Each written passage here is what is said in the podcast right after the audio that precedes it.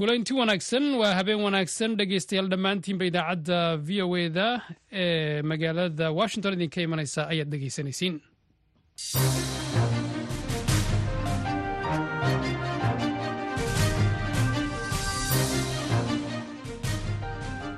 waa talaado bisha janawari ee sannadka laba kun iyo afar iyo labaatankuna waa soddon waxaanaad naga dhegaysanaysaan mawjadaha gaagaaban ee lix iyo tobankiyo sagaal iyo tobanka mitrban iyo bogga v o a somaali com idaacadda caawana waxaa idiin wada anigoo ah maxamed cabdi.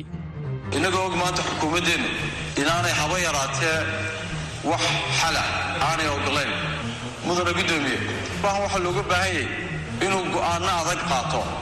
Go'aannadaasoo ay ka mid yihiin in xukuumaddan maanta aanay haba yaraatee u diyaar ahayn inay doorasho qabato waxa uu codkaasi qayb ka yahay baarlamaanka somalilan oo maanta dood ka yeeshay xaaladda siyaasadda iyo nabadgelyada somalilan oo aad warbixin ku maqli doontaan. Waxaad kaloo dhegaysan doontaan barnaamijkii galka baadhista marka solar systemkaasu hadda qayb ka mida waaye ma wada dhamma muxuu ahaa boqolkiiba adiga konton ilaa lixdan ayuu naga xalliyey baahiyahii loo qaba korontada inta kalena hadda weli electrigii qayb ka mida electrigiyaa lagu maareeya korontada brivatka waxay ahayd dhaqaale ahaan adigu ilaa saddex boqol ilaa saddex boqol iyo konton dollar ayaa daqli ku bixi jira bishii. Waxaad sidoo kale maqli doontaan maraykanka oo sheegay inaannu doonaynin dagaal uu la galo dalka iiraan. Qodobadaasi iyo kuwo kale ayaannu idiin haynaa marka horese ku soo dhowaada warkii caalamka.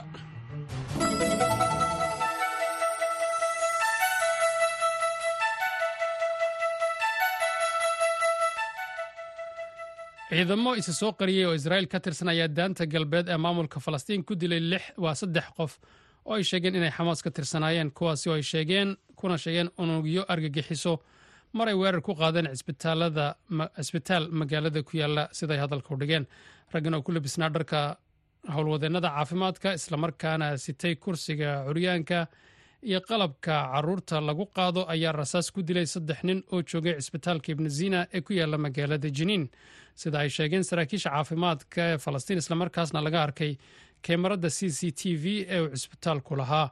Dhinaca kale dagaalka khaza oo galay bishii sii afraad ayaa keenay in badi marinka hareeraysani uu burburo islamarkaasna uu keeno xaalado bini'aadanimo aad u daran oo ay la kulmayaan dadka marinka deggan oo tiradooda lagu qiyaasay laba dhibic afar milyan oo qof kuwaasi oo badidoodu ay la kulmayaan khataro dhinaca gaajada iyo cudurka ah.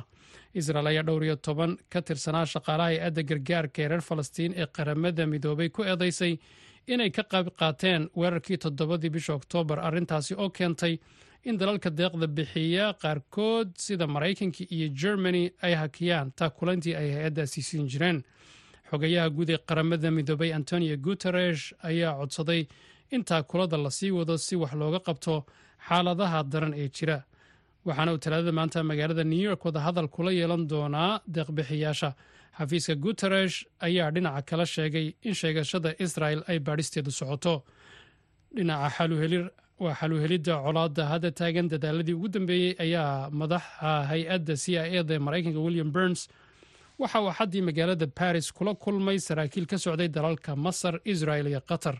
Xamaas ayaa xaqiijisay talaadada maanta inay soo gaadhay soo jeedintani taasi oo barteeda instagram-ka ku qortay inay ku jirto kabaaraandegid islamarkaana ay jawaab ka soo saari doonto siday hadalka u dhigtay xafiiska ra'iisul wasaaraha israel benyamin netanyahu ayaa dhinaciisa wadahadaladii baris ku sheegay kuwa wax ko-oola waxaana uu tilmaamay in dhinaca kale ay daldaloolo badani jiraan. Dhinacyada oo dhammina ay sii wadi doonaan ka hadalka arrintan sida uu hadalka u dhigay.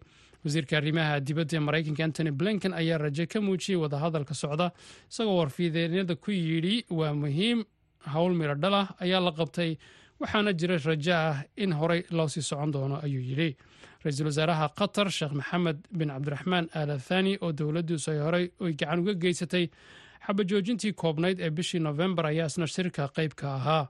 Waxa uu sheegay in horumar wanaagsan arrintaasi laga sameeyey. Sheekh maxamed ayaa sheegay in qorshaha ay ku jirto xabajoojin kooban taasi oo inta lagu guda jiro la sii doyn doono dumarka iyo carruurta gargaarna la gaadhsiin doono khaza heshiiskan koowaad ayaa ugu dambeyn keeni kara xabajoojin buuxda ciidamada badda ee indiya ayaa sheegay talaadada maanta inay sii daayeen doon kalluumaysi oo laga leeyahay dalka iiraan taasoo ay afduubteen badhcadbadeed soomaali ahi waa tii labaad dhowr maalmood gudahood. Markabka dagaalka ee i n s sumitra ayaa xoog ku sii daayay sagaaliyo toban shaqaalo u dhashay dalka bakistan iyo doontii ay saarnaayeen oo lagu magacaabo al naciimi ciidanka badda ee indiya ayaa sheegay in wadar ahaan koob iyo toban budhcadbadeeda soomaaliya shaqaalahaasi ay la haystayaal u haysteen sida hadalka loo dhigay. Muuqaalo ciidanka badda ee indiya soo bandhigay ayaa muujinaya budhcadbadeed soomaaliya oo qoriga a k warfinaya oo doon dul saaran iyo muuqaal kaloo muujinaya helikobter ciidanka badda oo dushooda heehaabaysa. Muuqaalo kale ayaa muujinayay ciidanka kamaandoosta indiya oo doonta fuulaya xilli gudcur ah kadibna qoryo ku qabanaya koox budhcadbadeeda taasi kuwaasi oo jilbaha u fadhiisanaya kadibna gacmahooda dib loo xidhayo. Xaaladda saddexaad ayaa ah komandoosta dalka seychelles oo isniintii ku badbaadiyey doonka lumaysi oo ay leedahay dowladda sirilanka taasi oo ay saarnaayeen lix shaqaale. Ah afduubkan ka dhacay xeebaha soomaaliya ayaa ka baxsan xeebaha soomaaliya ka baxsan ayaa waxa uu keenay welwel laga qabo inay dib u soo noqdaan weeraradii ay geysanayeen budhcadbadada soomaalida ee fursad raadiska ah taas oo ku biiranaysa dhibaatada weerarada xoutiyiinta yemeni ay ka wadaan badda cas. Maxkamad ku taalla dalka bakistan ayaa toban sano xadhiga ku xukuntay ra'iisul wasaarihii hore dalka cimraan khan iyo wasiirkiisii arrimaha dibadda shaah maxamuud qurayshi. Labada nin ayaa lagu eedeeyey in sirtii dowladda ay cid kale u gudbiyeen kayskan ayaa la xidhiira sheegasho odhanaysa in khan uu cid kale la wadaagay fariin sir ah oo danjirihii bakistan ee magaalada washington ee dalka maraykanka uu dowladda u soo diray. Xisbiga cimraan khan ee p t i ayaa sheegay in khan iyo qurayshi oo mid walba lagu xukumay toban sano xukunkoodu ay riday maxkamad gaarahi xisbiga ayaa intaasi ku daray in go'aankan ay racfaan ka qaadan doonaan isaga oo go'aankan ku sheegay kays been abuur ah sida uu hadalka u dhigay. Toddobaadkii hore maxkamad sare ayaa diiday in khan ay ka reebto doorashooyinka soo socda. Warkii caalamkuna waa naga intaa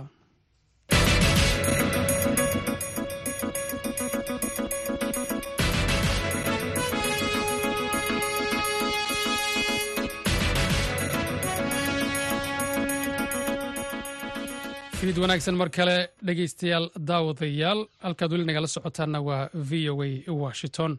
Aynu ku bilownaya fadhigii maanta golaha wakiilada somalilan ayaa dood ka yeeshay xaaladda guud ee somalilan ee xilligan hadda la joogo iyadoo xildhibaanada qaarkood ay farta ku fiiqeen arrimaha siyaasadda doorashooyinka iyo amniga. Sida warbixintan ku eegaya wariyaha v o ed ee magaalada hargeysa khadar maxamed cakulle fadhiga maanta uu guddoominaya guddoomiyaha golaha wakiilada somalilan yaasiin xaaji maxamuud xiir faratoon ayaa mudanayaasha golaha wakiiladu waxa ay kaga doodeen xaaladda guud ee somalilan qaar ka mid a xildhibaanada golaha wakiilada ayaa doodooda ku abbaaray xaaladda nabadgelyo iyo siyaasadeed.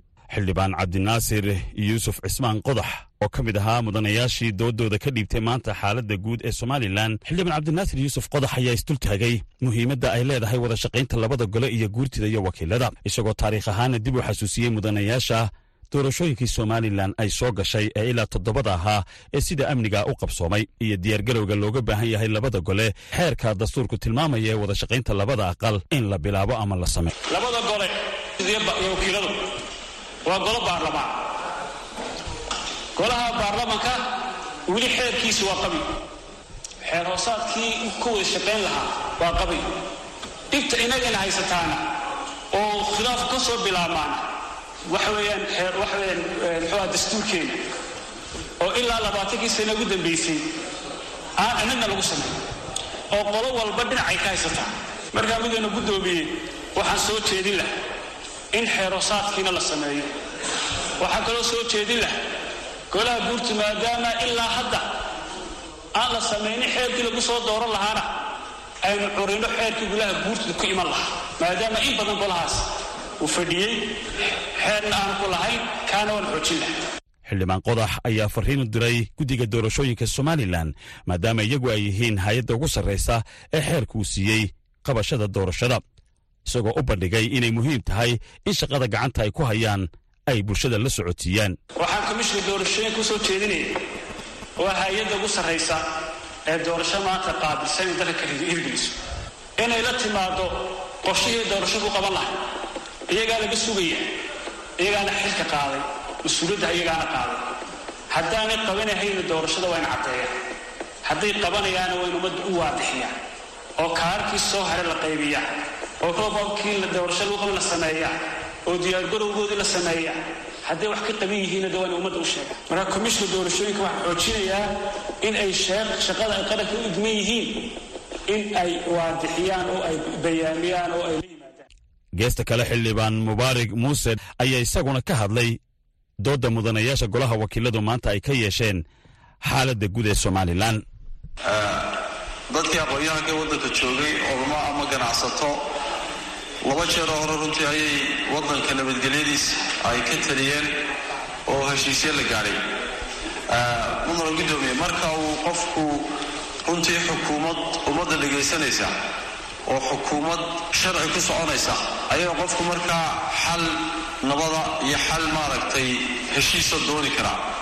Innagoo og maanta xukuumaddeennu inaanay haba yaraatee wax xala aanay ogolayn mudana guddoomiye maaha waxaa looga baahan yahay inuu go'aanno adag qaato. Go'aannadaasoo ay ka mid yihiin in xukuumaddan maanta aanay haba yaraatee u diyaar ahayn inay doorasho qabato innagoo og in ay hay'ad walba oo qaranku leedahay. Hay'adaha qaarkoodna muddadoodii dhaafeen. Uu madaxweynuhu soo magacaabo. Howlahaasoo fara badan oo xukuumaddan qabyo ku ah mudana guddoomiye waxaa looga baahan yahay golahan oo ah golaha ummadda matelo oo shacabku soo doortay. Go'aanno adag baa loo baahan yahay. Doodda golaha wakiilada somalilan uu ka yeeshay maanta xaaladda guud ee somalilan ayaa la filayaa in ay sii socoto khadar maxamed cakule v o e hargeysa. Fiid wanaagsan mar kale dhegaystayaal daawadayaal ugu yaraan toban qof ayaa ku dhintay tiro kalena oo ay ku dhaawacmeen dagaal xalay saqdi dhexe ka dhacay duleedka magaalada baydhabo ee gobolka baay. Dagaalkan ayaa bilowday kadib markii maleeshiyada al-shabaab ay weerar ku qaadeen xarun ay ciidanka daraawiishta koonfur galbeed ku leeyihiin duleedka magaalada sida uu ku soo waramayo wariyaha v o eda ee baydhabo mukhtaar maxamed catoosh dagaal xoogan ayaa saqdii dhexe ee xalay ka dhacay duleedka galbeed ee magaalada baydhabo oo fariisin ay ku leeyihiin ciidamada daraawiishta koonfur galbeed. Wuxuu u dhexeeyey dagaalka kooxda al-shabaab oo weerarka ku soo qaaday fariisinka ciidamada koonfur galbeed iyo ciidamada daraawiishta koonfur galbeed. Labada dhinac ee dagaalamay waxaa soo gaaray khasaare isugu jira dhimasho iyo dhaawac. Goobjoogayaal ayaa xaqiijiyey in ka badan toban ruux oo dhinacyada dagaalamay inay ku geeriyoodeen dagaalka waxaa sidoo kale jira khasaare dhaawac oo soo gaaray labada dhinac ee dagaalamay. Kooxda al-shabaab ayaa lagu soo waramayaa in muddo kooban ay la wareegeen gacan ku-haynta xerada ciidamada agabkii yaalla xeradaasina ay gubeen. Saraakiisha iyo mas'uuliyiinta koonfur galbeed ayaa ka gaabsaday inay ka hadlaan dagaalka saqdii dhexe ee xalay ka dhacay duleedka magaalada baydhabo iyo khasaaraha ka soo gaaray.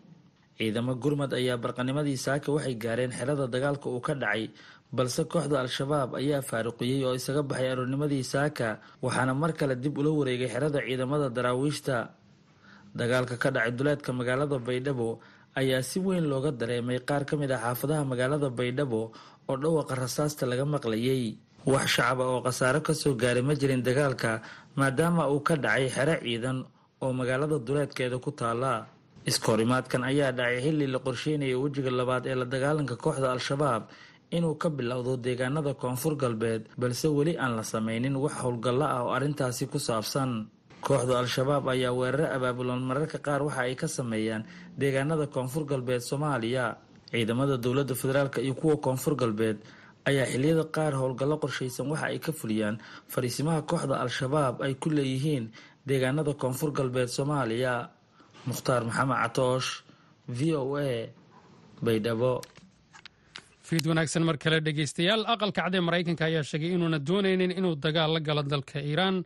Hadalkan ayaa ku soo beegmiyey xilli madaxweyne baiden uu wacad ku maray in maraykanku ka jawaabi doono weerar loo adoogsaday dayuuradaha dronska oo dalka urdun ku dilay saddex askari oo maraykana kuwaasoo washington ay ku eedeysay maleeshiyo ay iiraan taageerto. Aqal koongareeska ee maraykanka ayaa ku cadaadinaya aqalka cad inuu weerarkaasi ka jawaabo taasoo ay u eg tahay in xaaladiisu ay sii murjin doonto ayna sii fidin doonto colaadda u dhaxaysa israel iyo xamaas ee ka dhalatay weerarkii xamaas ee toddobadii bishii oktoobar. Wariyaha v o eda anita powell ayaa warbixintan diyaarisay. Falastiin axmed iimaan ayaa soo koobaysa. Aqalka cad ayaa cadaadis lagu saarayaa inuu ka falceliyo duqeyn diyaaradeed oo axaddii lagu dilay saddex ka mid a askarta maraykanka ee urdun falkaasi oo ay washington ku eedeysay maleeshiyaadka ay taageerta iiraan ee ka howlgala goobo u dhow suuriya. Isniintii saraakiisha maamulka biden ayaa kalsooni ka muujiyey in iiraan ay ka dambeysay weerarkaasi balse ma aysan bixin faahfaahin ah sida ay uga dambeysay. Sidoo kale mas'uuliyiintu ma soo bandhigin waxa ay noqon doonto tallaabada xigta. John kirby agaasimaha istaraatiijiyadda isgaarsiinta ee golaha amniga qaranka oo arrintan ka hadlaya ayaa yiri nor will I get in front of the president or his decision making. As he said yesterday, we will respond.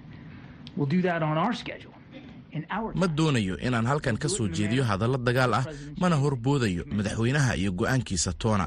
Sida uu shalay sheegay madaxweynuhu waan ka jawaabi doonnaa. Taas waxaynu ku samayn doonnaa jadwalkeenna iyo wakhtigeenna waxaana u samayn doonnaa habka uu madaxweynuhu u doortay. Isagoo ah taliyaha guud waxa kale oo aan u samayn doonnaa si buuxda si loogu ogaado xaqiiqda ah in kooxahan oo ay taageerto tehraan ay hadda dileen ciidamo maraykan ah balse kirby waxa uu sheegay in hal arrin ay istahay mid iska cad. Ma raadinayno dagaal aan la galno iiraan mana doonayno colaad milatari oo aan maamulka iiraan na dhex marta. Madaxa nato oo ku sugan washington ayaa isniintii waxa uu sidoo kale muujiyey walaaciisa weerarkaasi wuxuuna farta ku fiiqay iiraan. Waxaan aragnaa iiraan inay sii wado khalqalgelinta gobolka. Iiraan ayaa sidoo kale mas'uul ka ah taageeridda argagixisada ku weerarta maraakiibta ku sugan badda cas. Dhaqanka tehraan waxa uu ina xusuusinayaa sida duni aan xeer lahayni ay u eg tahay. Mid aan la saadaalin karin oo halis ah adduun ammaankeennu uu qaali noqonayo waxaa kale oo cad in weerarkani uu qeyb ka yahay fashilinta howlgal militari oo ay israel ka wada kaza kadib markii kooxda xamaas ay weerar la yaab leh ku qaaday dad rayida toddobadii oktoobar bernard hodson waxa uu ahaa madaxii hore ee c i e da ee la dagaalanka argagixisada wuxuu aalada suumka kula hadlay laanta bershiya ee v o a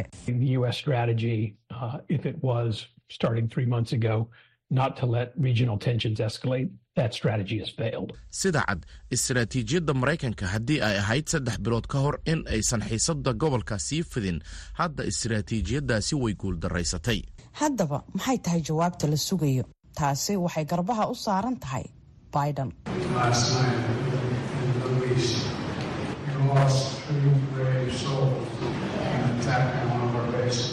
waxa aan ku weynay saddex ruux oo geesiyaal ah. Weerar lagu qaaday mid ka mid ah saldhigyadeenna. Waxaan codsanayaa daqiiqad aamusnaan ah dhammaan saddexda askari ee naga dhintay. Waan ka jawaabi doonnaa. Aad iyo aad bay mahadsan tahay falastiin axmed imaan oo noo soo koobaysay warbixintii wariyaha v oda anita powell ay noo soo dirtay. Haatanna waxaad ku soo dhawaataan barnaamijkii galka baadhista. Waxaa inoo hayaa haroun macruuf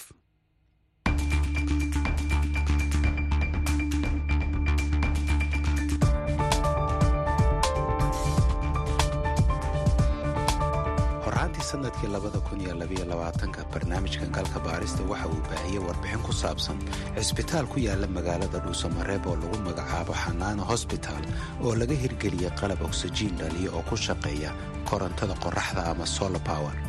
Cisbitaalkaas qaybtiisa carruurta ayaa lagu xiray saddex haamood oo dhaliya ogsajiinta dhakhaatiirta soomaalida iyo kuwa hay'adda caafimaadka adduunka ee w h o waxay uga warrameen galka baarista xilligaasi in hindisahan caafimaad uu naf badbaadiyey ayna keeni karto in lagu ballaariyo cisbitaallo iyo xarumo kale oo caafimaad. Haddaba barnaamijkan galka baarista ee toddobaadkan waxaan idinkugu soo gudbinayaa xarumaha caafimaad iyo cisbitaallada kale ee lagu ballaariyey hirgelinta qalabkaasi tan iyo xilligaas iyo waayo aragnimada ay kala kulmeen iyo caqabadaha ka hor yimid mid ka mid a xarumaha caafimaadka ee laga hirgeliyey qalabkan oksijiinta dhaliya ee ku shaqeeya tamarta qoraxda waa xarunta caafimaadka ee degmada xamarweyne ee magaalada muqdisho. Maandeeq abuukar cabdi waa madaxa caafimaadka ee degmada xamarweyne waxay galka baarista uga warantay sida mashruucan looga hirgeliyey xarunta caafimaadka ee degmada iyo maxsuulkii ay ka arkeen.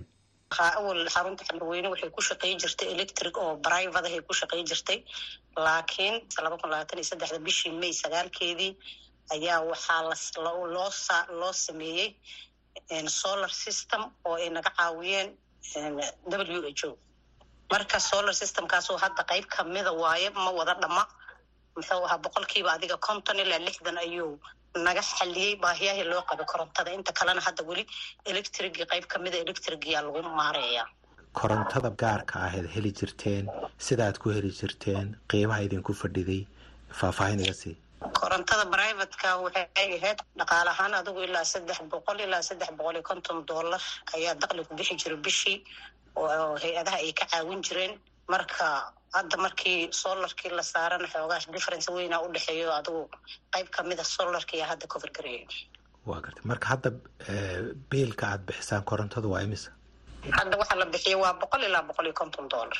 Maxay ka bedeshay bixintii adeegyada caafimaadka ee xarunta caafimaadka run ahaantii wax badan ayay ka bedeshay muxuu ahaa korontada markii ay caadiga brivatka ay tahay oysan solarka ahayn.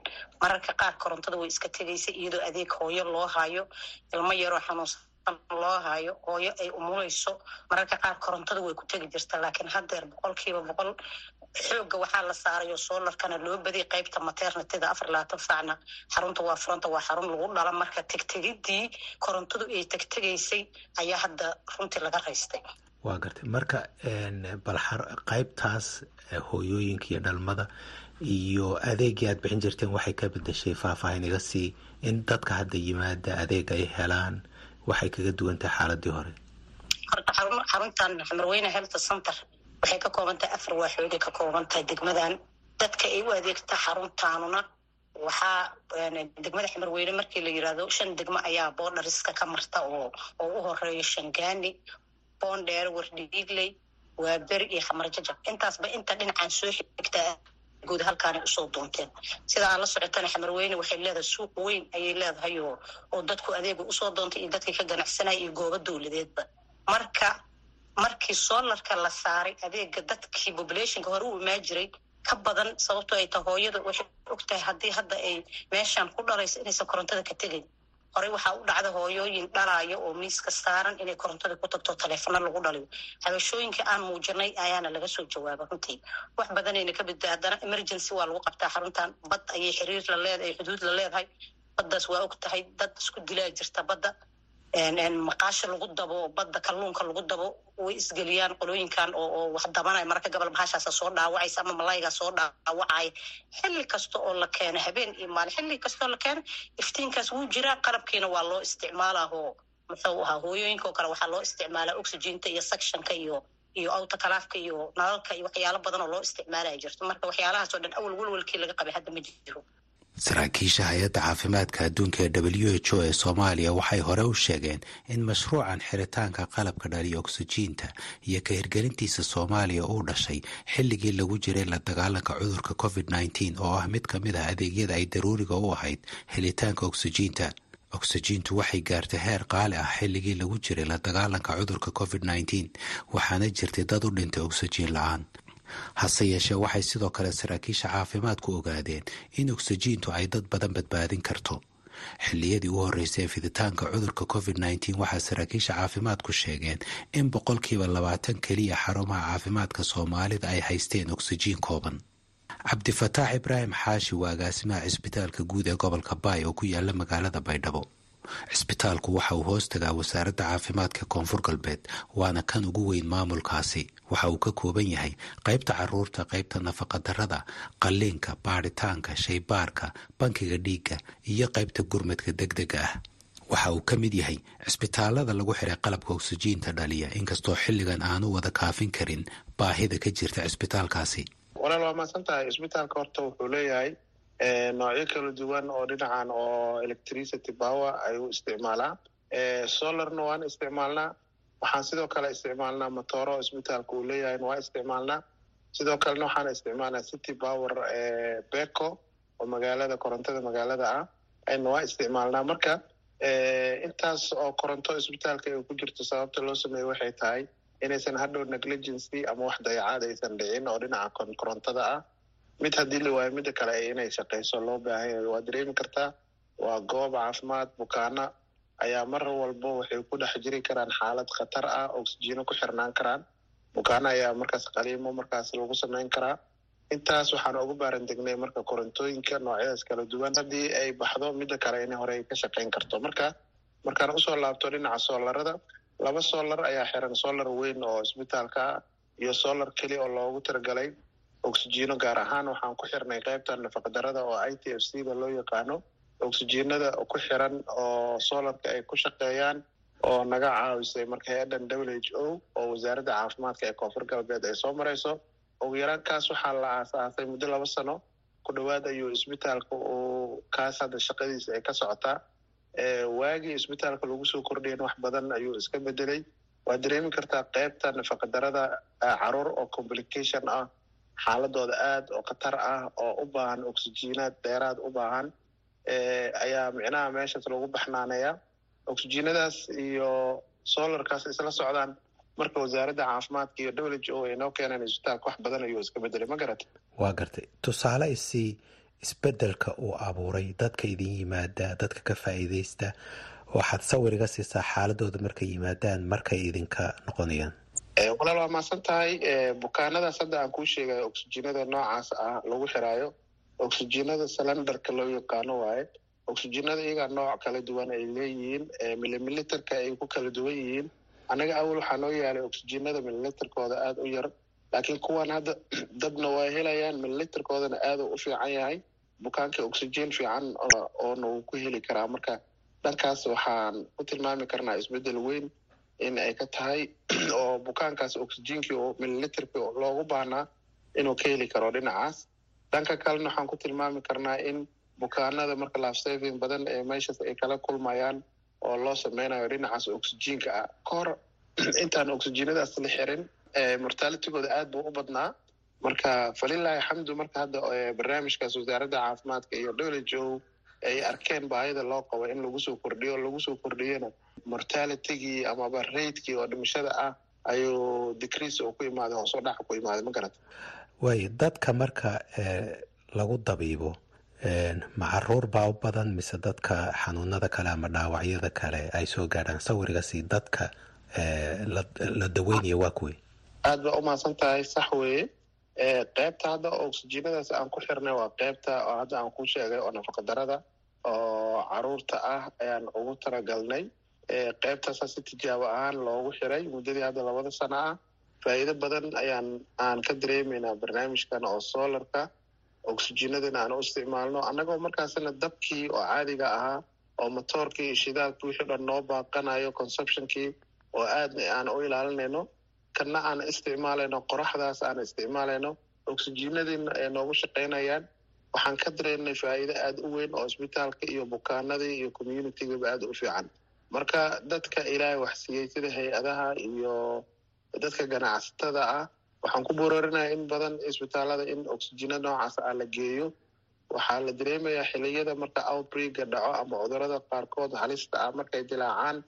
Sida hadda tusaale ahaan covid nineteenka marka uu dhacayay xiliyadaas waxaa isbitaalada inta badan bukaanada ay u dhimanayeen oxygena noocyo kala duwan ah ayay inta badan bukaanada u geeriyonayaan marka waxaa muhiim ah aan soo jeedinayaa inay isbitaalada referalka ah oo inta badan laga taageero oxygenada ugu muhiimsan oo qeybaha intensive care unitigooda si fiican loo hagaajiyo. Sababtoo meelahaas haddii inta badan isbitaalada laga hagaajiyo macal oxygenadooda waxaa inta badan dhakhaatiirta iyo shaqaalaha meesha ka howlgalo u fududaanaysa inkastoo qof walba nafsadiisa waktiga ay timaada aan la celin karin. Laakiin dadaal haddan waxaa la sii dadaali karaa in nafsad badan la badbaadin karo oo oxygenadaas darteed loo badbaadin karo kharashka iyo qiimaha idinkaga baxa korontada markaad isticmaalaan motoorada ama shirkadii hadda aad sheegtay markaad korontada ka hesha idinkaga baxda bishii oo kale. Waxaad dareemaysaa korontada marka guriga caadiga adiga aad degan tahay ama korontada lacag badan ku keenay. Marka meel publica ah oo intaas oxygena ah oo koronto city power adiga aad ka isticmaalayso aad dareemid. Annaga hadda sanadkan hadda la soo dhaafay koronto waxay noo soo saari jirtay baaladan baalka intaan la xirin solarkan oo qeybtan oo hadda departmentigan gaarka aan ku tijaabinayn intaan la xirin waxaa ko iyo toban kun ilaa laba toban kun ayay soo saaraysa baamaanka bishiiba ayay soo saari jirtay oo korontada caadiga ah oo lacagta raidka lacagtaasna waa dareemi kartaa lacag aada u badan waaye laba toban kun ilaa ko iyo toban kun waa dareemi kartaa. Marka hadda marka waxaan sameynay qayb ka mid ah korontadii in conceptionkii aan meeshaas aan u bedelino solarkii aan u bedelno si aan conceptionkii oo korontada aan isticmaalayno oo nooga yaraado hadda waxaan dareemaynaa in lacagiina hoos u soo dhaceen oo city powerka aan isticmaalaynay waxaana naga caawiyey solarkaas oo qeybtaas aan ku talaalnay oo oxygenada ah aan u isticmaalayn marka hadda already waxaad dareemaysaa toddoba kun sideed kun ayay noo soo saartaa oo lacaga hoose ugu soo dhacday. Sanadkii miya mise waa bishii oo dollar bishii bishii faa'iidada ugu horreysa ee laga helay hirgelinta mashruucan oksijiinta waxay ahayd in bukaan badan oo cisbitaalka imanaya ay oksijiintoodu kor u soo kacdo. Dhakhaatiirtu waxay sheegeen in xanuunka ugu badan ee carruurta soomaalida ee ka yar shan sano ay u dhintaan uu yahay oof-wareenka helitaanka oksijiintuna ay kaalin weyn ka qaadanayso yareynta dhimashadaas maxamed cabdi ciise waa agaasimaha guud ee cisbitaalka xanaano ee dhuusamareeb oo ahaa cisbitaalka ay hay'adda w h o ka diiwaan gelisay faa'iidooyinka laga arkay qalabkan. Sanadkii laba kun labaatan iyo kow ilaa haddeer muddo saddex sano ah bukaano badan ayaa ka faa'iiday oo gaarayo lix boqol lixdan iyo shan bukaan. Waa gartay. Marka maxay u tartay caafimaad ahaan dadkaasi? Dadkaasi ma oksijiinta ku yaray jidhkooda? Ma dhaawacyay qabeen haddaad ii kala saari karto? Dadku way kala duwanaayeen. Dad dhaawacyo qabana waa jireen oo intaasna soo gaaraya xaaladaha kala duwana oo ganshood xabada ku dhacayo kale waa jireen ama dad tooriye lagu soo dhuftoo kale oo neefta ama naqaska dhibaya oo oksijiinka lagu caawiyey sidoo kale ilmo oo ayaguna markay dhasheen ku dhashay xaalad oo neefta ayadana ay dhibayso waa jira ayagana lagu caawiyey sidoo kale ilmo ayagana ku dhashay ama ilmo ayagoo shan jira ama wix ka yar ayagana sidoo kale oo inta badan cudurka pneumonia ama ofta la yiraahdo ayagana ilmaha ku dhacdo kale ayagana aada oo caawiye. Marka hooyooyinka uur kale sidoo kale ayagana xaaladaha oo dhiigyari markay la koonto ayagana aada sujuunkooda u dhaca ayagana aada u caawiye marka qeybaha kala duwan ee bulshada aada ayay uga faa'iidaysteen bukaanadana marka qeybaha kala duwan ee bulshada ay ka koobnaayeen. Waaya waxaad dib wax yar ii celi qalabkan iyo inta haamoodu ka koobnaa tamartan qoraxda sida ugu shaqeeyo faahfaahinigasi qalabkan sida guud uun waa tamarta bahasha solarka ayaa waxaa laga faa'iidaysanayaa oo loo bedelayaa koronto korontadaas kadib qalab yaroo oxygen ayaa lagu xirayaa oo qeybaha kala duwan sad afarta qeybood oo isbitaalka ka kooban yahay ayuu ku xiran yahay. Oo kadibna bukaan kastaba meeshaas ayuu ka isticmaalaya. Oo si guud marka waa solarkii dabeec oo natural resourceka caadiga ah looga faa'iidaysanayo kadibna tamar dhalanayo tamartaasna kadib oxygen looga sii faa'iidaysanayo marka qaar marka bukaano ka badan ayaa kugu imaanaya bukaanadii aas lahayd iyo qalabka haysta marka qaar bukaanada ayaa kala badanaya hadda wiig labada saddexda wiig oo u dambeysay un marka qaar waxaa dhicisa sideed bukaan u baahan inay hamar oo oxygen ay ku kulmaan isbitaalka. Marka lix haba ayaana taalay taasoo kale marka marka qaar caqabadaha soo wajahayna ayay ka mid ahayd. Iyo xaalada guud oo wuxuu u baahay saddex sano baalku markuu xireen baterigiisu daciifa awooddiis waa yaraane in laga bedelo bateriyaasha iyo tabarta maadaama sii yaraanayso ilaalin asana wuxuu u baahan yahay iyo joogteen. Inta marka caqabadahaas guudna waa jiraan. Idinku adeegan saddex sano ka hor halkii uu ahaa ma ka ballaadhiseen oo ma fidiseen mise halkii unbuu taagan yahay? Wallaahi weli lama fidin oon sidii oo ahaa waaye. Baahideena oon waa badanto hadda hadaa fiiris laba kun labaatan iyo kow bukaano gaaraya boqol iyo toddobaatan bukaan ayaa ka faa'iiday laba kun labaatan iyo labo ayadana bukaanada gaaraya laba boqol sideetan iyo afar bukaan ayaa ka faa'iiday laba kun labaatan saddex ayagana bukaanada ka faa'iiday waxay gaarayeen laba boqol iyo shan bukaan. Marka maxamuda uun marba baahidu inay ay badanaysay oo dadkuna ay aad ula qabsanayeen oo markii ay dareemaan xaalad oo inuu qofku uu dareemayo inay xaalad khatara ku jira caafimaadkiisa in xarumaha kalena laga soo diraayo oo isbitaalkana aada ugu caawinayay. Marka uun sidii hore uu ahaa waaye wax hadda oo lagu kordhiyey malaha solarka mashruucan oo ay maalgelisay hay'adda caafimaadka adduunka ee w h o waxaa fulisa hay'ad ka shaqaysa tamarta qoraxda oo lagu magacaabo tamarso. Sharmaarke cabdulqaadir xasan waa aasaasaha iyo madaxa shirkadda tamarso.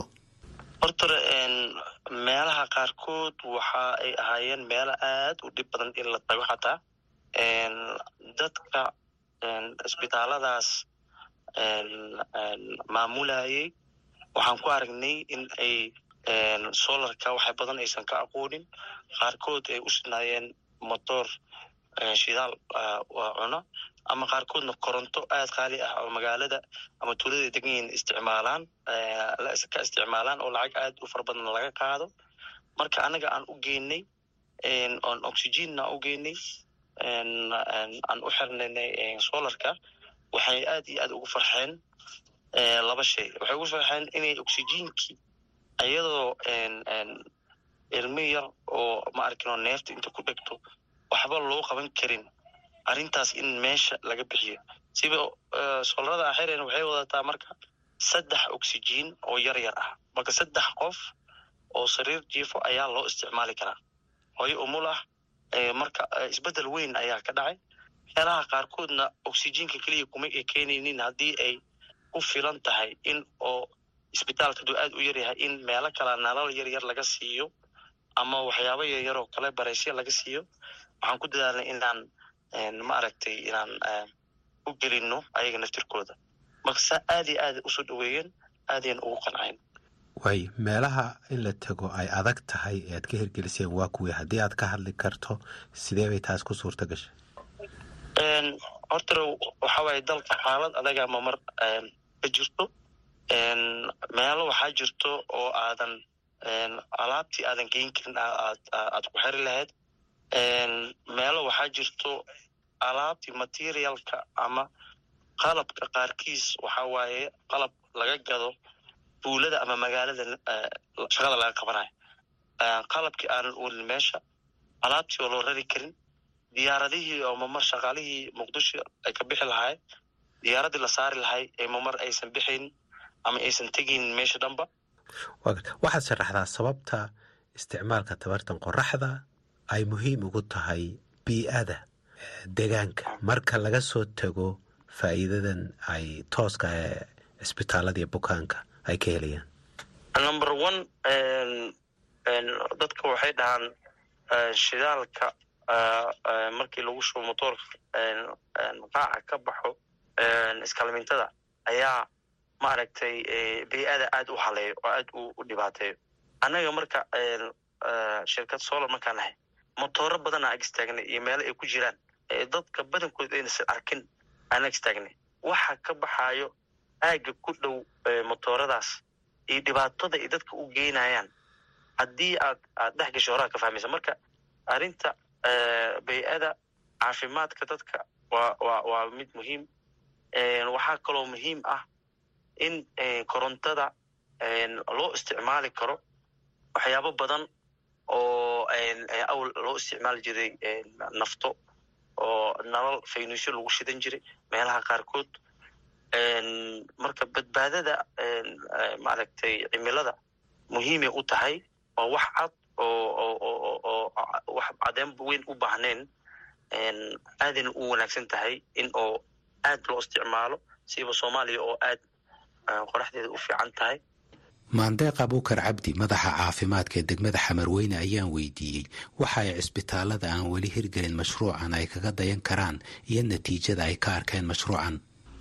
Waxaa laga baran karaa xarunta horta sideeda markii soolar la yiraahdo sidaan anagu ognahay xarumaha waxa gacanta ku haaya. Iyadoo xarun dowladeed ay tahay haddana waxa oo korontadeeda iyo waxyaalahaas bixinaa waa hay'ado.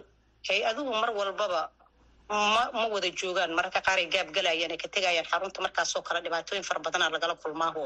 Korontada dadka iskale mar walbaba iyagu kalama jecla haddii hay'ad joogtay haddii kale mar walbaba waxay u baahan yihiin lacagtooda. Marka waxaa laga baran karaa haddii annaga inta laysku filnaado soolar xaruntaan la geliyo hay'ad kastoo tagtaaho. Ma loo daba fariisanayo koronto muxuu ahaa ii sheeg. Wax badan ka taraysa xaruntaas. Waaya hadalka ugu dambeeya aan ku siiyo waxa aad doonayso in lagu ogaado xarunta caafimaadka xamarweyne horta xaruntan xamarweyne halkan xarun waayo oo xamarweyne health center ah waana xarun qadiimi ah waayo oo muddo fara badan ku tiilay sbace ahaan markii la yidhaahdo xarunta waa xarun aad u yar iyo dadkay u adeegayso waa kaafii kala dheeri waay wax badan oo differency a u dhexeeyo sida ay dadku ay wada arkeen. Marka hooyadii adeega soo doonanayda oo ilmaha wadatay hadday tallaal u wadato iyo hadday nutrition u wadato xataa canuga hadduusan ka xanuunsaneen qoraxda bannaankay istaagay sababto sbacekaya yar qof qolo hadday soo baxda qolada kalaa geliso. Ma u saamaxayso hooyooyinka dhan inay gudihii soo galaan. Haddii roob jiro haddii qorax jiro hooyadaas mar walbaba waa ku dhaca roobka iyo qoraxdii ilmihii caafimaadka qabe marka haddii caafimaad loo raadinayo in haddana xarunta banaankeeda marka inta soo istaagaan sbace loo waayo waa dhibaato. Marka waxaan ka codsanaynaa dowladda oo u sarreeyo madaxweyne xasan sheekh ra'iisul wasaaraha baarlamaanka gudoomiyaha gobolka banaadir iyo wasiirka caafimaadka. Waxaan ka codsanaynaa in xaruntan loo raadiyo dhul badan oo dowladdu leedahay degmada xamarweyne ku taala marka in xaruntan meel lagu ballaariyo loo sameeyo ayaan ka codsanaynaa. Arrinta labaadoo kale oo aan ku darsanayo waxa waaye waxaa loo baahan yaha ambalas xarunta ambalas ma laha. Sidaa og tahay xarunta waxay ku dhex taalla goob dowladeed wasaaradaha ku wareegsan iyo gobolkii banaadir bajaaj ma soo gasho meesha wax kastoo emergency ah oo la rifeer garaynayo ambulance ma taalla xarunta marka dowladda inay xaruntaas iyo dadkaas deegaanka ah inay ka saacido ambulanstaasna waa la rabaa iyo soolarkaas qolooyinkii alla nooga sahlay wixii wax ku darsanayo oo kale in soolarka iyadana la dhammaystiro hadda waa un boqolkiiba konton soolar ka shaqeeya imise qof baad u adeegtaan maalintii wallaahi celcelis ahaan adigu boqol ilaa boqol iyo konton qofood waa loo adeegaa maalinkii adeegyada kala duwan. Hadduu qofka xanuun u yimaado muxuu ahaa ii sheeg hadday ilmuhu tallaal u yimaadaan hadday nutrition labadiisa nooc u yimaadaan haddii daraysan loo yimaado sidaa ogtahay bad ayaa anaga nala leh muxuu aha xuduud nala leh. Haddana dad waaweyn xamarweyne way degan yihiin. Dad waaweyn oo cudurrada gaarkaa leh oo oo diabeticadoo kale xaruntii imaana oo lagu dhayaa marka waa un dad kala duwan waaye ka sokow badbaadada nafta ee oksijiinta waxaa dhakhaatiirtu sheegeen in siyaabo kale looga faa'iidaystay mashruucan sida inuu koronto siiyo xarumaha caafimaadka iyo in loo adeegsado qaboojinta daawooyinka. Barnaamijkii galka baaristuna waa naga intaas. Inta aynu ku kulmi doonno barnaamijkan oo kale waa haaruun macruuf oo idin leh nabadgelyo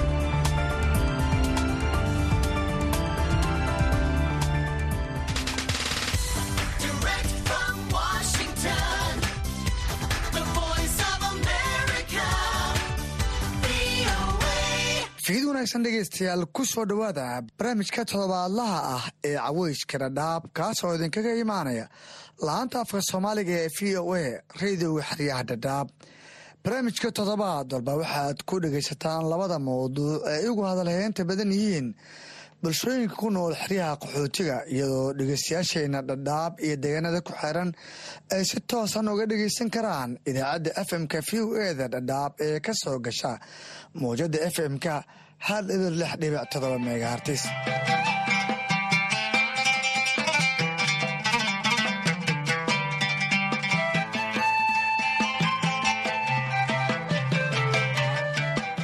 caawa qodobada aad ku maqli doontaanna waxaa ka mid noqon doonaa.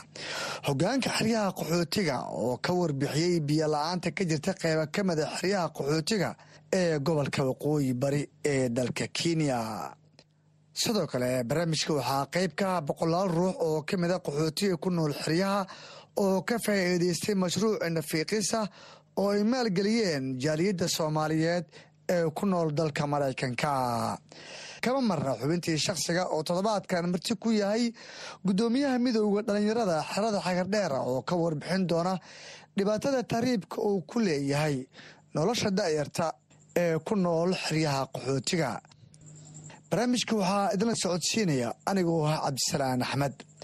Xeryaha dhadhaab ee dalka kenya ayaa saldhig u ah qaxooti ka soo jeeda dalal kala duwan balse u badan soomaali kuwaasoo xeryaha soo gaaray bilowgii sagaashamaadkii xilligaas oo dagaalo ahli ah ay ka qarxeen gudaha soomaaliya. Qaxootigan oo in ka badan soddon sano taageero bini'aadinimo ka helayay hay'adaha caalamiga ah ayaa sanadihii tegay ka cabanayay biyo la'aan ka jirta guud ahaan xeryaha iyadoo kumanaan qaxooti ah ay ku soo biirayaan diiwaanka xafiiska arrimaha qaxootiga taas oo saameyn ku yeelatay gargaarka yar ee sanadlaha ah ee lagu caawiyo qaxootiga ku jira xeryaha. Haddaba maxaa sababay biyoyarada xaalwaaga u muuqata ee ka jirta xeryaha?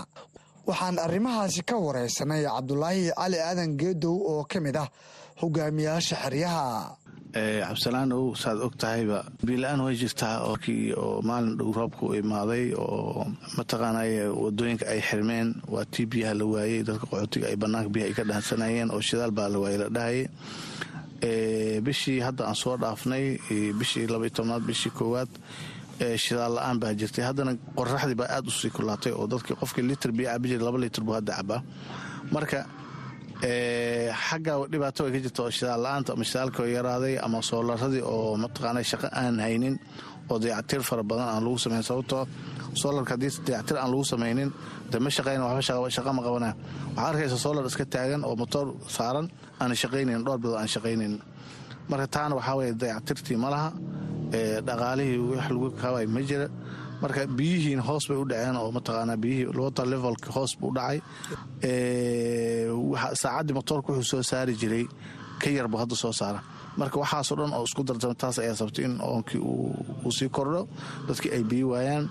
Waxaa kaloo intaa dheer dad fara badan oo aan aan u diiwaangashaneen ayaa micnaha jooga qaxootiga oon shidaalkan dadka la siina aan lagu xisaabaynin marka qoysba qoys baa kor saaran. Dadki marka maadaama culeyskaa uu jiro oon korta waxaasaa keena qoraxdii kulal iyo dadkii farabatay waayahay xaafadaha qaar waxaa dhacdo in qoys ka kooban dhowr iyo toban qof hal labaatan le ay maalintii helaan. Nidaamka caadiga ah ee biyasiinta qaxootiga calaa qofkii imsilitar ayuu xaquuqahaan u lahaa markii hore. Qof kastoo qaxootiga wuxuu xuquuq u leeyahay qof kastoo biniaadan nool wuxuu xuquuq u leeyahay shan iyo toban litir oo biyo maalinka inuu qaato unhrna waxay wax ku bixisaa dadka u diwaangashan ayay wax ku bixisaa dadkan hadda la diwaangelinayo oo tirikoobka hadda la marinayo oo la rajistar bay xuquuqdooda jirtaa. Xaggaa la aadinaya sababtoo raashinkooda iyo biyahooda waxooda xaggay jiraan. Haase ahaatee weli hadee wax official communication ma jiro oo weli dadka raray ma dadka dhagaxley baa joogaan ifay joogaan xagadheer bay joogaan. Waxayna la qaybsanayan intii yareedoo mataqaana dadka loogu tagay baa la qaybsanayaan. Waxaad arkaysaa qoys intaasoo qoys ay dul saaran yihiin biyo yarna ay dhaansanayaan waxaa kaloo hadda caqabad kale ah biyihii markay motoorka u soo sii daayo oo beybka direct pumping loo sameeyo waxaa laga yaabaa tusaalahan a biyihii inay xoog ku gaaraan. Wixii ka dambeeya sida eight iyo nine iyo ten oo kale biyihiiba biyi yaroo dalaliq baa soo gaara marka waxaa laga yaabaa soddon daqiiq tubad inay soconin oo biyaba ayna helin dadkaas marka culeysada ugu weyn waxaa inta badan xaafadaha ay saaranta waxaa ka mid a xaafadaha haamaha dhadheer aan u dhoweyn ama xaafadaha haamahooda ay dilaaceen oo biyo aan lagu shubaynin ayaa inta badan oonka u ka jiraa oonkaas saasa uu ku saameeyey. Waa tahay xerada tan dhagaxley ee aad maamulka ka tahay qaxootiga ka diiwaan gashan ee sida saxda un z r hoos yimaado ilaa imsa ay gareen inta hadda la diiwaangeliyey baahanaha waana dhow la diiwaangeliyey. Dadka hore qaxooti hore u deganaa kun waaye. Laakiinse dad fara badan oo jira weli mataqaanay aan la diiwaangelin oo ilaa lagu qiyaasay afartan kun oo qof oo dhagaxley keliya jooga oon weli aan la diiwaangelin. Aad buu u mahadsan yahay kaasna wuxuu ahaa cabdulaahi geedow oo ah guddoomiyaha xerada dhagaxley ee kaamka dhadhaab oo noogu waramay gudaha xeryaha qaxootiga ee gobolka waqooyi bari dhinaca kale qaar ka mida qaxootiga danyarta ee ku nool saddexda xero ayaa ka warbixiyey dhibaatada xilliyada qaar ay u maraan helitaanka biyo ay cabaan iyadoo qaxootigaasi qaarkiis aysan heli karin gaarigacanadaasi ay biyaha uga doontaan deegaanada ku xiran xeryaha qaxootiga. Waa kuwan qaar ka mida qaxootigaasi oo u waramay barnaamijka caweyska dhadhaab. Faadime maxamed guuraa laydhahaa waxaan ku noolahay balog g ayaan ku noolahay. Waxaan nahay afar qoos oo isdul degan afartaanada qoos weel wax lagu dhaqin ma leh. Wax ilmihii wax loogu karin ma leh. Biyi intaan ka orday gabar waa xaamilo. Tuu ilmo yarar bay haysataa intaan ka cararay. Waxaan tegay meesha tarasgataan tegay. Caag baan dusha kaga keenay. Ma weel baan ku dhaqani ma faraa lagu dhaqani ma ilmaa raashiin loogu karini. Wax dhici kara maaha. Biyaha aad aad igu dheer. Ilmahayna shan cunug marmar halka caagaanba helayninbo oon dadka baloogyaha koraan biyo ka soo qaadana aan ka soo duugsano aadi aaday noogu dheeryihin biyaha qabees maxay tahay halka caagaanba helaynin. Maalin walba ee baloogyaha kale aan ka soo qaadanaaba qabees ma jira ilmahan waxbarasheenna ugu jiraan. Qabees male cabitaan fiican male cuno fiican male. Wax waxaad ku karsata mahelaysid waxaad afar iyo labaatan saac cunug oo iskool jiro. Markuu ku imaado iyo waxaad ku qabaysad aad rabta adigu qabays waxaa dhar ugu dhaqdaad rabtaa ma heli kartid bal ka waran labaatan litar qoys intaa laga ma ku filan tahay? Wallaahi ilaa iyo toban caagan ugu filnaan leed ma bahayno nin qaxooti joogo siigadan oo carruur iskool iyo waxbarashii dugsi ugu jiraan oo aan heli karin aanna awoodinaan. Saakir laba caagan duuba ka soo dhaansaday. Ma ku qabaysta mas ilmahan wax ku siista? Aad bay u mahadsan yihiin kuwaasna waxay ahaayeen qaar ka mid ah cododka qaxootiga oo ka warbixinayay heerka biyola-aanta ee ka jirta xeryaha iyadoo qaxooti fara badan ay belihii la soo dhaafay soo gaareen xeryaha dhadhaab ee dalka kenya. Dhinaca kale maamulka xeryaha ayaan wax ka weydiinay biyogelinta loo sameynaya suuqyada ganacsiga iyo saameynta ay ku yeelan karto qaxootigan ka cabanaya biyola-aanta ka jirta qeyba ka mida xeryaha waayahay. Cabdulaahi dhinaca kale qaxootiga waxay ka cabanayaan oo ay sheegayaan in biyihii qaybo ka mida suuqadii ganacsi ahaan loo geliyey oo biyihii ay cabi lahaayeen loo weeciyey ganacsato xeryaha ku nool. Arintaasi ma isweydiiseen saad og tahayba arrintan hadda oo dadkan ganacsatada ah waa mashruuc oo u n h r iyo hay'adaha deeqbixiyaasha ay ku wada heshiiyeen waaye qolada deeqbixiyaasha biyaha lacagtooda bixinaya ee waxay dhaheen biyahan la gadayo waa in mataqaana gooni laga dhigaa waa inay shidaal gataan.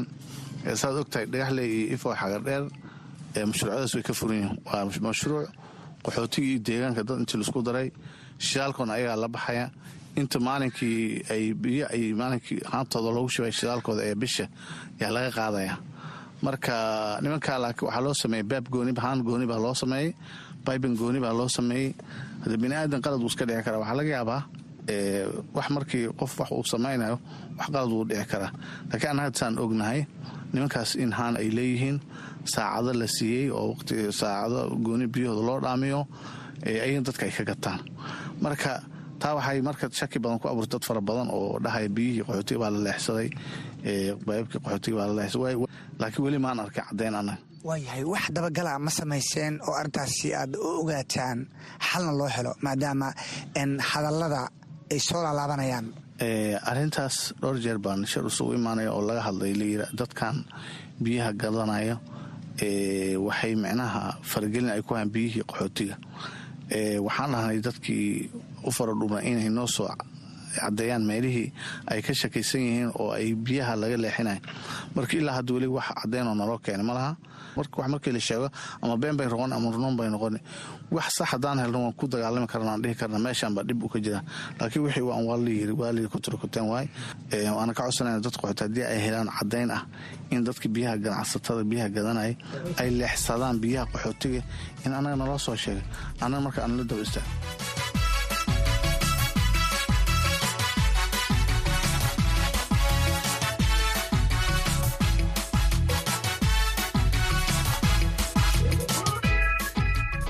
waa xagaag waxaan soo gaarnay qaybihii dhexe ee barnaamijka caweyska dhadhaab oo si toosa idinkaga imaanaya lahaanta afka soomaaliga ee v o a.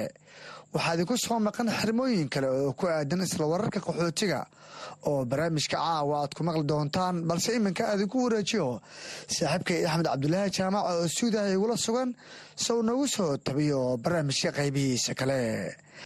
Mahadsanid cabdisalaan axmed dhegaystayaal waxaad nagala socotaan barnaamijka caweyska dhadhaab oo aad ka dhegaysanaysaan. La-anta afka soomaaliga ee idaacadda v o a waxaana uu barnaamijku si toosa idinkaga imanayaa xeryaha dhadhaab ee gobolka waqooyi bari ee kenya. Ku soo dhowaada warbixinno kale oo la xiriira nolosha dadka ku nool xeryaha qaxootiga oo qayb ka ah barnaamijka caweyska dhadhaab ee toddobaadkan. Waxaa ka mid a qodobada aad ku maqli doontaan xubintii shaqsiga oo toddobaadkan uu marti noogu yahay maxamed cabdulaahi jimcaale gudoomiyaha dalladda ururada dhallinyarada xagardheer oo aan ka waraystay falal tahriib ah oo aada ugu soo badanaya xeryaha qaxootiga ee dhadhaab. Waxaad kale oo maqli doontaan dad danyar ah oo qalliinan dhafiiq lacag la'aana loogu sameeyey xeryaha dhadhaab. Haddii aan ku bilaabo dhegaystayaal xubinta shaqsiga waayadii dambe waxaa aada u soo kordhayay xeryaha qaxootiga safaro tahriiba oo dhallinyaradu ay naftooda ku biimaynayaan gudoomiyaha dalladda ururada dhallinyarada xagardheer ayaan ka waraystay waxaa ka xafiis dhallinyaro ahaan ay ka og yihiin dhallinyarada xeryaha ka tahriibaya iyo sida wax looga qaban karo. Arrinkaas waan la soconnaa. Waa arrin sannadihii hore bilowday laakiin aad u yaraa. Sanadkii hadda u dambeeyey ay aad u soo bateen in dhallinyarada ay go'aansadaan inay tahriibaan sababaha aan is leeyahay dhallinyarada xilligan ku soo beegay inay aad u tahriibaanna waxaa waaye in noloshii qaxootiga dhallinyaradaas ay ku noolaayeen ay aad u adkaanayso in dhallinyaradii kuwoodii xitaa wax bartay aysan wax shaqaa helaynin oo xaafadda xaafadaha idol ay ku yihiin oo waxba aysan qabanaynin. Marka dhallinyarada quus ka taagan xaryaha qaxootiga darteed ayaa ku riixaysa inay tahriibaan. Marka ka annaga ka dhallinyaro ahaan xafiiskeena markay arrimahan ay soo baxeen waxaan samaynay xog uruurin waxaan la kulannay waalidiin ay ka baxeen dhallinyaro badan. Waxaan ogaanay dhallinyarada tahriibayso inay yihiin kuwooda danyarta ah. Kuwa ka soo jeeda qoysaska danyarta ah ayaa ugu badan kuwa baxaya. Waxayna rabaan in nolol noloshan dhaanta inay naftooda iyo nafta qoyskoodaba ay u raadiyaan marka arrimahaas isbiirsaday ayaa keenaya in dhalinyaro xilligan ay tahriibaan. Xeryaha waxaa baryihii dambe aada ugu yaraaday ee dibudejinta iyo waddamadii qaadan jiray qaxootiga qoysas dibadda u qaadi jiray kuwii wax qaadan jirayna waxaa raagay dadkii ay brosesyada mariyeen. Dhallinyarada qaarkood hadda baxayna waxaan la ii sheegay inay yihiin kuwa qaarkood toban sano ka badan sugayay leyman ma ka mid tahay rajabeelka dhinaca dibadejinta oo xumaaday dhallinyaradu inay cararaan dabcan way ka mid tahay sababtooy tahay arrimaha buufiska ama dib u dejinta sanooyinkii ugu dambeeyey sanadba sanadka ka sii dambeeya. Aad bay u sii yaraanayeen. Hay'adaha samafalkana waxay noo sheegeen in sanadba sanadka ka sii dambeeya. Aan rajo badan laga sii qabin in dad badan ay helaan buufiska hase ahaatee dadkii helay arrimaha buufiska ha u badnaadeen wadanka maraykanka oo kale xiliyadii uu imaanaya madaxweyne trump oo kale qadka ayaa laga saaray dadka soomaalida oo kale dibudejinta uu helay. Kiisaskoodii waxaa la geliyey hakadaa la geliyey markuu baxay kabacdaa la soo nooleeyey oo waxoogaa dhaqdhaqaaqa bilowday haddana wax dhaqaaqay oo hadda oo la sheegi karo macnaha la taaban karo malaha marka wadamadii wax qaadan jira oo yaraaday kuwii la qaatay oo broseskooda ilaa labaatan sana labaatan iyo dhowr sana ay qaadanayso ayaa sabab u ah waxyaabahaas. Marka dabcan qeyb bay ka tahay. Ogaalka waa imisa tirada dhallinyarada ah ee tahriibtay sannadkii hore ee labadii kun iyo saddex iyo labaatankii ee dhammaaday ilaa sanadkan aan ku jirno bishan january walaahi maalinba maalinka ka dambeysa tirada way sii badanaysaa laakiin intaan ognahay hadda waa tiro boqol ka badan sannadkii dadkii baxay waa tiro boqol ka badan intaan ognahay laakiin maalinba maalintii ka sii dambeysa tiradaas way sii badanaysaa. Idinka ka xafiis urur dhallinyaro ahaan ama ururada kale ee xeryaha ka jira ee dhallinyarada waa maxay doorkiinu annaga ka dhallinyaro ahaan waxayna waxaa waaye si tubaracada ayaan dhallinyarada u caabinaa waa inaan wacyigelin sameyno oo dhallinyarada aan wacyigelino dhibaatada tahriibka ay leedahay inaan ka wacyigelino in hay'adaha aan la wadaagno xogtan ah hay'adaha samafalka ee ka shaqeeya xeryaha qaxootiga dhadhaab inaan la wadaagno xogtan dhallinyaradan tahriibayso sanadkan sannadan dambe aad u soo badanaysa inaan la wadaagno oo wixii laga qaban lahay hay'adahaas annagoo kaashanayna aan wacyigelin sameyno tababaro sameyno in barnaamijyo shaqo abuur ah loo sameeyo dhallinyaradaasi ayaan hadda advokasigiisa ama doodeeda aan wadnaa waana wax aan mar hore aan la wadaagnay. Hay'adahana welina waan la sii wadaagi doonaa. Hadda ka dhallinyar ahaanna waxaan wadnaa wacyigelin oo dhallinyarada aan kaga wacyigelinayno dhibaatada tahriibka ay leedahay aan u sheegayno fursadaha yaryar ee ka jira xeryaha qaxootiga dhexdooda taasoo sababi karta inay dhaqaala ay ka sameeyaan xerada gudaheeda. Berigii hore hay'adu waxay qaban jireen oo ay siin jireen dhallinyaradu markay ka baxaan iskuullada iyo kuwa aan iskuullada dhexda uga tegay iyo kuwa iyaga waaweyn yimi oo aan iskuullada hoose la qabsan karin. Waxaa loo samayn jiray tababaro sida xaruntii yeb oo kale xarumo tababara lagu qabtaa jiray marka tababara la sameeyana waxaa la samayn jiray wax ay wax ku bilaabaan xirfadaha la beri jiray. Wixiiba aada u yaraaday taa laftooda qayb ma ka tahay baan dhihi karnaa dadkan cararaya ee tahriibaya? Qeyb weyn ayaa ka tahay horaantii hore waxaa jiri jiray iskuulla lagu barto farsamada gacanta oo kale oo u sahlaya dhallinyarada inay shaqo abuur samaystaan sida in gabdhaha oo kale iclaan ay bartaan wiilasha oo kale xirfadooyin kala duwan sida makaaniga oo kale ay bartaan oo computer secretarial oo kale ay bartaan. Barnaamijyadii ayaga ahaa way xirmeen hadda oo kale wax iskuul farsamo ah oo xeryaha ka furan ma lahan. Marka waxyaabahaasi faraha badan ayagana qeyb bay ka tahay hay'adahana markaan weydiinay waxaa sababa in barnaamijyadii dhallinyarada u baahnaa inay istaagaan. Waxay noo sheegayaan inay jirto dhaqaala darri oo deeqbixiyaashii qaxootiga oo ugu deeqi jiray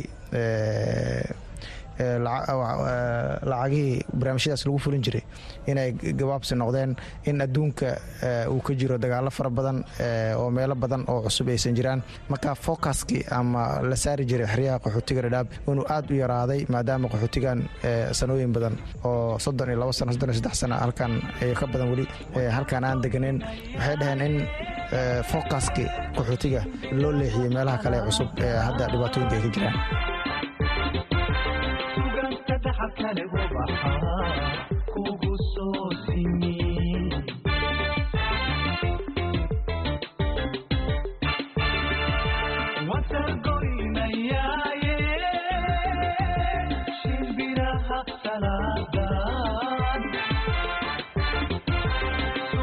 dhaxalkale ubaxa kugu soo simi